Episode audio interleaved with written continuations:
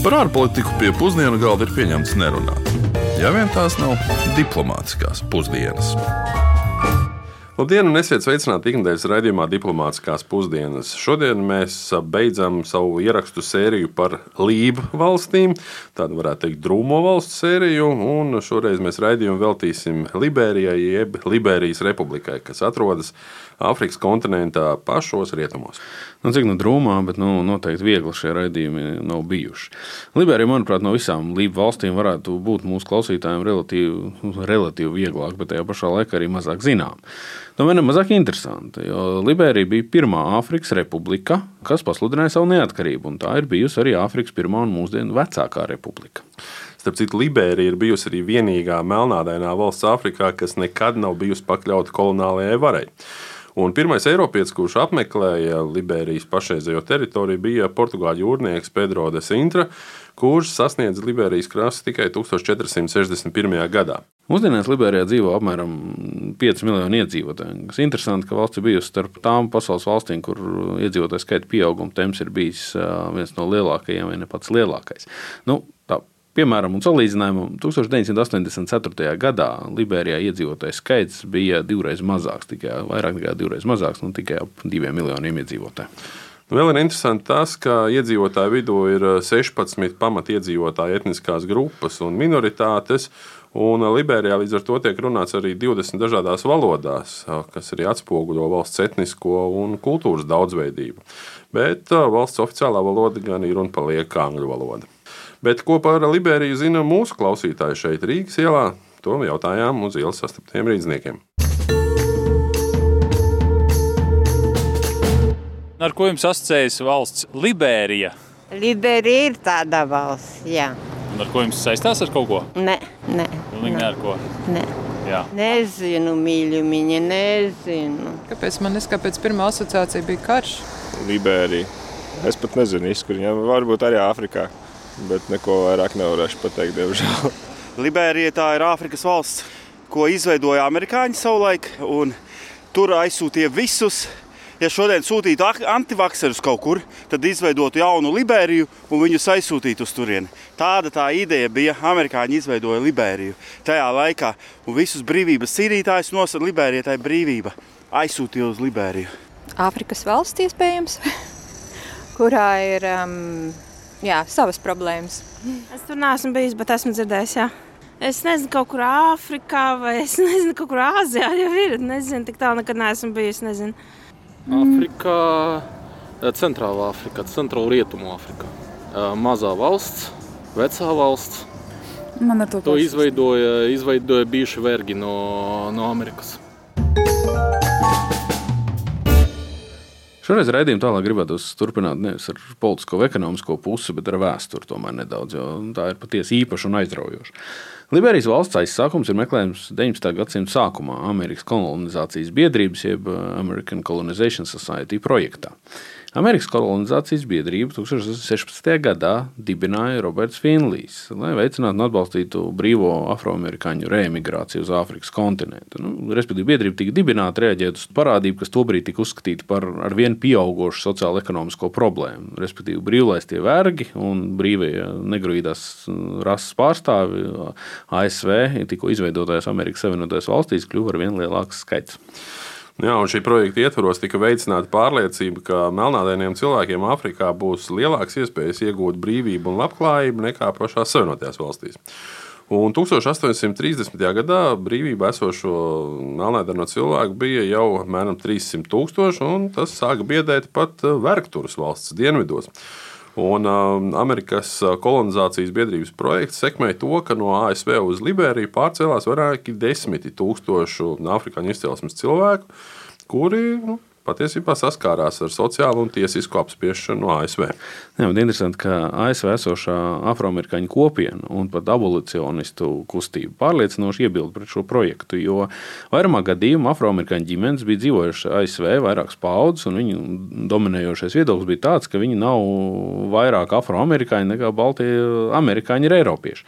Nu, pretēji apgalvojumam, ka emigrācija bija brīvprātīga, daudz afroamerikāņi gan brīvi, gan paverdzināti tika spiesti emigrēt. Un abolicionisti, tie, kur iestājas par verdzības atcelšanu, savukārt redzēja šajā pseido repatriācijas programmā draudus tam, ka verdzības atcelšana kādreiz var, vispār varētu, vai vispār varētu notikt. Jo Papildus tam vēl pati Amerikas kolonizācijas biedrības programma tika uzskatīta par rasistisku, jo uzskats bija, ka afrikāņi ir zemāka rase, kas nebūs spējīgi izprast demokrātisko sistēmu. Nu, tas bija visnotaļ dom, prominents un, un dominējošs viedoklis viņu starpā. Nu, bet, ja mēs atgriežamies pie pašas Liberijas, tad uh, no ASV imigrējošie cilvēki nes sev līdzi arī amerikāņu liberiešu identitāti, kultūru un arī tradīcijas. Liberijas valdība ir veidota pēc ASV valdības parauga, un Liberija arī pārņēma elementus no ASV konstitūcijas un pat karogu. Nu, galvenā atšķirība ir tā, ka Liberijas karogam ir viena liela balta zvaigzne, nevis 50 mazas zvaigznītes, un 13 svītru vietā ir 11 svītras. Un, uh, Liberija pasludināja neatkarību 1847. gada jūlijā, bet interesanti, ka ASV atzina to tikai 15 gadus vēlāk. Nu, te gan jāpiemina, ka amerikāņu Liberijas nu, jāsaka, kolonisti nebija saistīti ar pamatiedzīvotājiem. Respektīvi, viens rases cilvēks vēl nenozīmē vienas kultūras un pat etniskās grupas piedarīgie. Nu, to mēs zinām arī šeit, Eiropā. Rezultātā Amerikas Liberijas iedzīvotāji kļuva par nelielu elitu, kurai piederēja nesamērīgi liela politiskā vara, kamēr Āfrikas izcelsmes pamatiedzīvotāji bija izslēgti no pilsonības un, attiecīgi, arī ietekmes paši savā zemē līdz pat 1904. gadam. Nu, ir tāds sens romiešu teiciens teiciens. Nežēlīgākais vērkturs ir bijušais vērks. Nu, Liberijas valsts situācija ļoti ilgi nebija sevišķi tālu no šī principa. Nu, no vēsturiskās perspektīvas, laikam, jāpievēršas arī mūsdienām, un tad nu, mēs varētu parunāt par to, kāda ir Liberija mūsdienās. Un kā, kā vēsturiskā pieredze turpinās vēl mūsdienās? Nu, jā. un var teikt, ka nu, mūsdienu Liberiju varētu sākt rēķināt no 1980. gada, kad uh, Viljama Tolberta uh, turpinātā šīs nu, aprakstītās ierastās sistēmas ietvaros radās politiskā spriedze. Un tas noveda arī pie militāra apvērsuma. Pats prezidents tika nogalināts, un tas faktiski arī iesāka šīs nu, Amerikas Liberijas sistēmas beigas. Jā, un uh, Liberijas uh, mūsdienu tālākā vēsture pēdējos vairāk kā 40 gados arī nav bijusi viegla. Piecus gadus ilga tautas glābšanas padomus militārais režīms, kam sekojuši divi Liberijas pilsoņu kari, un par Liberijas prezidentu ir bijis arī biedīgs slavenais Čārls Teilors. Viņa vadībā Liberija kļuva starptautiski pazīstama valsts, kas izmanto tos saucamos asins diamantus, jeb blood diamonds, par kuriem esam jau stāstījuši iepriekš, un nelegālu koku materiālu eksportu, lai finansētu to starp ne tikai savas valsts militārās kapacitātes, bet arī Sierra Leonas pilsoņu karā iesaistītās puses. Abu karu rezultātā gāja bojā, abu Liberijas pilsoņu karu rezultātā gāja bojā apmēram 250 tūkstoši cilvēku, kas ir apmēram 8% no valsts tā brīža iedzīvotājiem. Un jāsaka, tiek rēķināts, ka pēdējos 40 gados politiskās turbulences dēļ Liberijas ekonomika ir faktiski zaudējusi 90% no tā, kas tā reiz bija. Nu jā, te prasītos atgādināt, ka Čārlis Teilors ir pazīstams ar viņa nu, nežēlīgiem kara noziegumiem un arī viņam piespriesto 50 gadu ilgo cietumsodu. Nu, viņa noziegumi ietver gan apsūdzības terorismā, izvarošanas, slepkavības, bērnu karavīru izmantošanu nemiernieku grupās Leone un tam līdzīgi. Un papildus Čārlis Teilora kaujinieku komandieri tiesas prāvā atzina, ka nu, bijušais prezidents ir līdz saviem atbalstītājiem nu, burtiski ēst savus ienaidniekus. Bieži vien viņš sauc par Teilora kanibālu kaujiniekiem. Mm. Nu, Tostarp arī jā, ir bijuši arī Jāno miera uzturētāji. Un, nu, jā, pats Čārlis Teilors esot arī pats pāraudzījis šos šausminošos noziegumus. Jā, nu pēc šīm nežēlībām Liberijas vēsturē laikam jānonāk arī pie kaut kā pozitīvāka, kā nekā ne viss ir tikai vienmēr negatīvs. Un pēc Taylora nākš, par nākošo prezidentu tika ievēlēta Elena Džonsona Sirlīfa, kurā amatā bija no 2006. gada līdz 2018. gadam. Un ne tikai viņa kļuva par pirmo sievieti valsts galvas amatā visā Āfrikas kontinentā, bet viņa 2011. gadā ir ieguva Nobela miera prēmiju par darbu, kas bija daļa no nevardarbīgas cīņas par sieviešu drošību un par sieviešu tiesībām uz pilnīgu līdzdalību miera veidošanas darbā. Starp citu, Elena Džonsona Sirlīfa nāk tieši no Liberijas nu, etniskiem pamatiedzīvotājiem.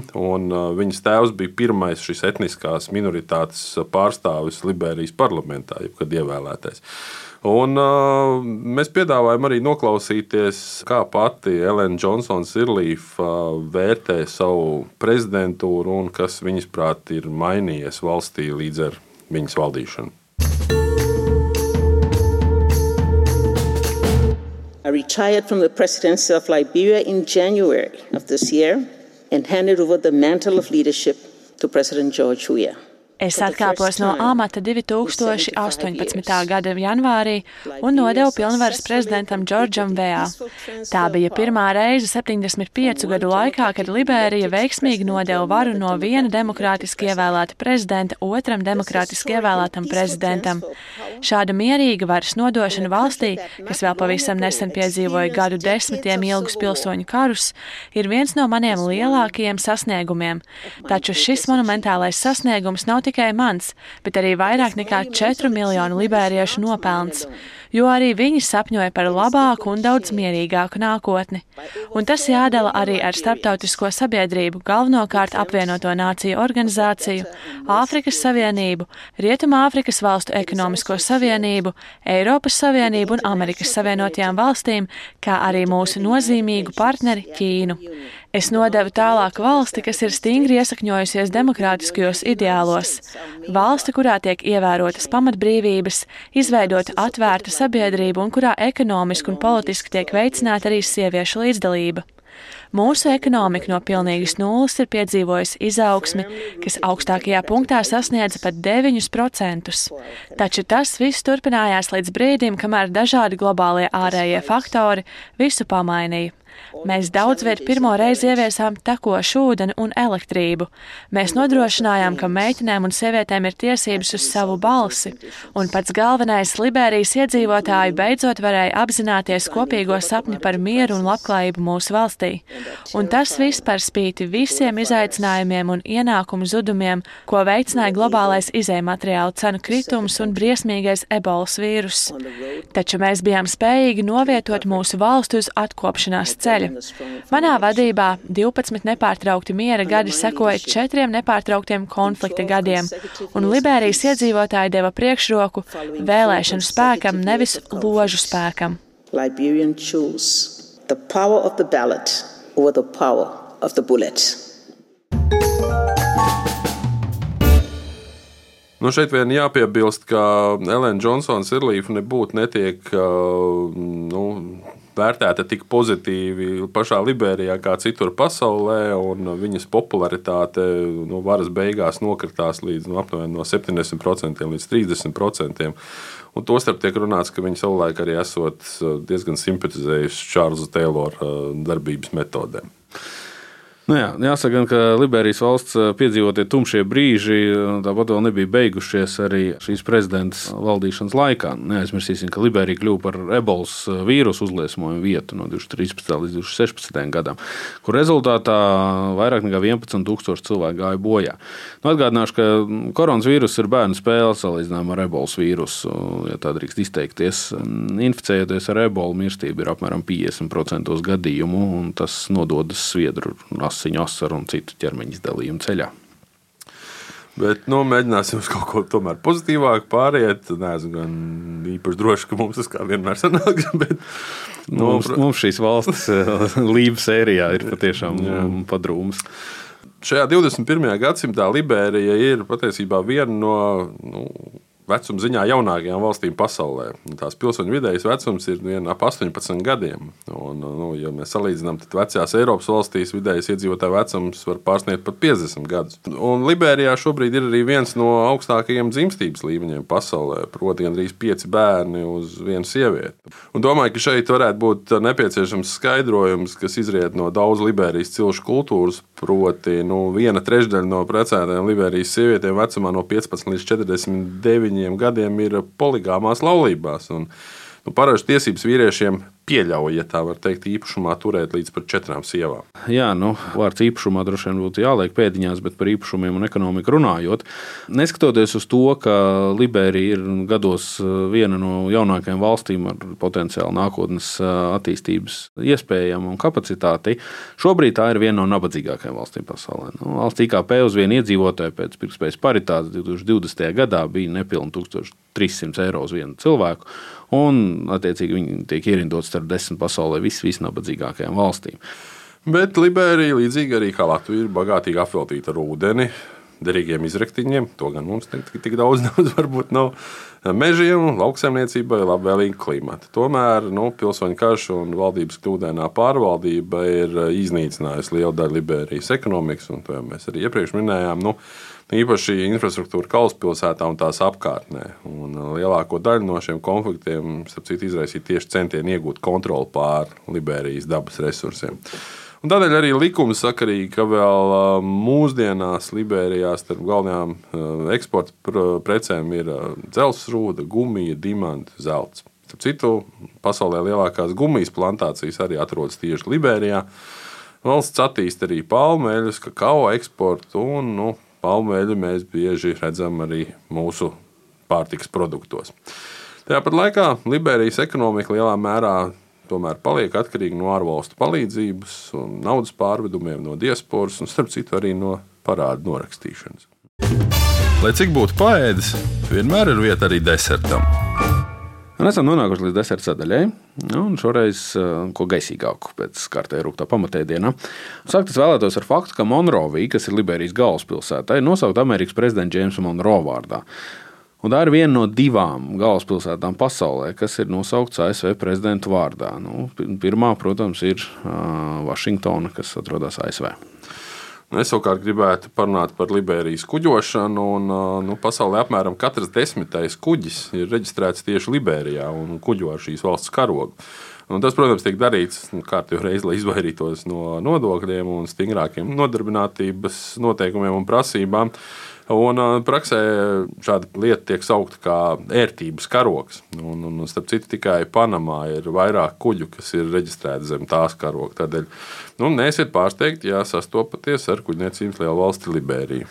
Jā, šī manīgā fakta mēs šodien arī noslēgsim raidījumu. Nākamā nedēļa jau dosimies prom no Lību valstīm dosimies uz kādu, kas sāks ar Emburtu un dosimies uz Malaiziju. Nu, atšķirībā no Liberijas, Malaizija izmanto metrisko mērīšanas sistēmu un Malaizija arī pastāv unikāla rotējošā monarhija to, kura vēl bez ASV un Liberijas izmanto impērisko mērvienību sistēmu mūsdienās. Jūs droši vien varat arī papētīt detalizētāk mūsu darbie klausītāji, bet nu, tam, līdz tam nu, lai viss lieliski.